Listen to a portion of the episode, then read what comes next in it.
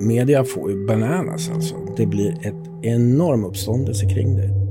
Kroppen är helt utan kläder. Den dödas mun är något öppen. Hökarängen i södra Stockholm 1965.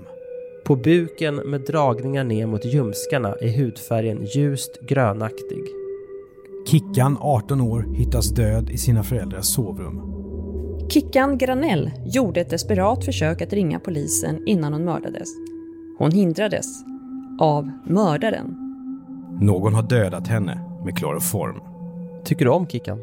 Jag, jag, tror att jag, jag tror att jag definitivt skulle ha gjort det. Historikern Peter Englund börjar gräva i fallet. Det är ett enormt material. Vilka var det som åkte på den här skidresan till Åre? Ding, ding, ding, gå igenom dem.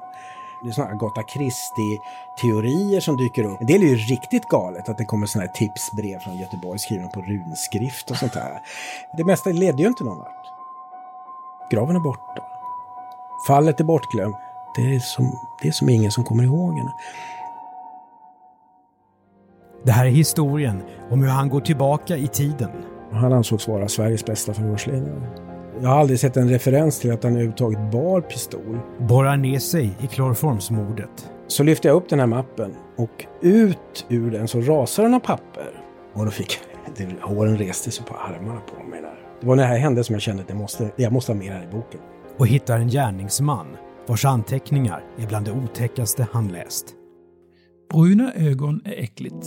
Kvinnohatet givetvis. En smal kropp är underbar. Tjocka däremot liknar svin. Bitterheten, självömkandet. Jag behöver en flicka, ett levande väsen. Vet du vad ensamhet är?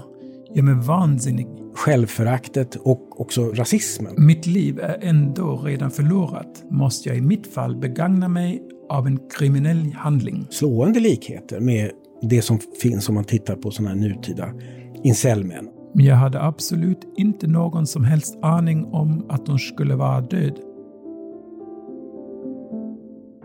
Det här är podden bakom boken Söndagsvägen. För jag har ju aldrig skrivit något sånt här tidigare. Jag är ju helt rudis på, på den här genren. Nej, men det där kan du nog stryka. mm, det där kan du nog stryka. Hör sex avsnitt som följer Peter Englunds arbete och läs också boken Från natur och kultur.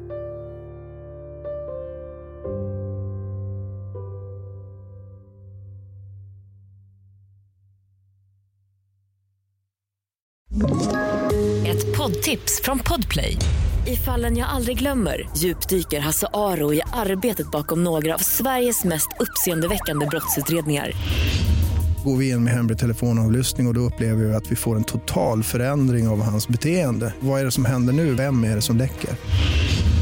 Och så säger han att jag är kriminell, jag har varit kriminell i hela mitt liv men att mörda ett barn, där går min gräns. Nya säsongen av Fallen jag aldrig glömmer på Podplay.